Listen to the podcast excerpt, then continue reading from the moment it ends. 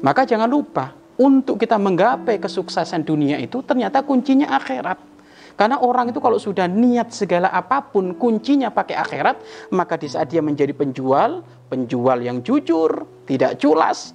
Di saat dia menjadi pejabat, pejabat yang tidak koruptor. Kenapa? Karena di saat dia menjabat niatnya untuk mulia di akhirat. Pengen mulia di dalam kuburan, pengen bisa masuk surga.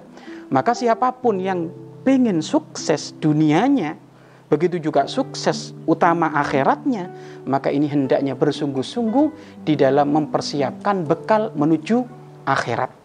Karena akhirat hak, akhirat itu nyata. Maka pemirsa, jika Anda ingin dicukupi urusan duniamu, disukseskan urusan duniamu, maka utamakan urusan akhirat. Utamakan urusan akhirat. Utamakan urusan akhirat, mengutamakan urusan Allah, mengutamakan urusan baginda Nabi Muhammad SAW.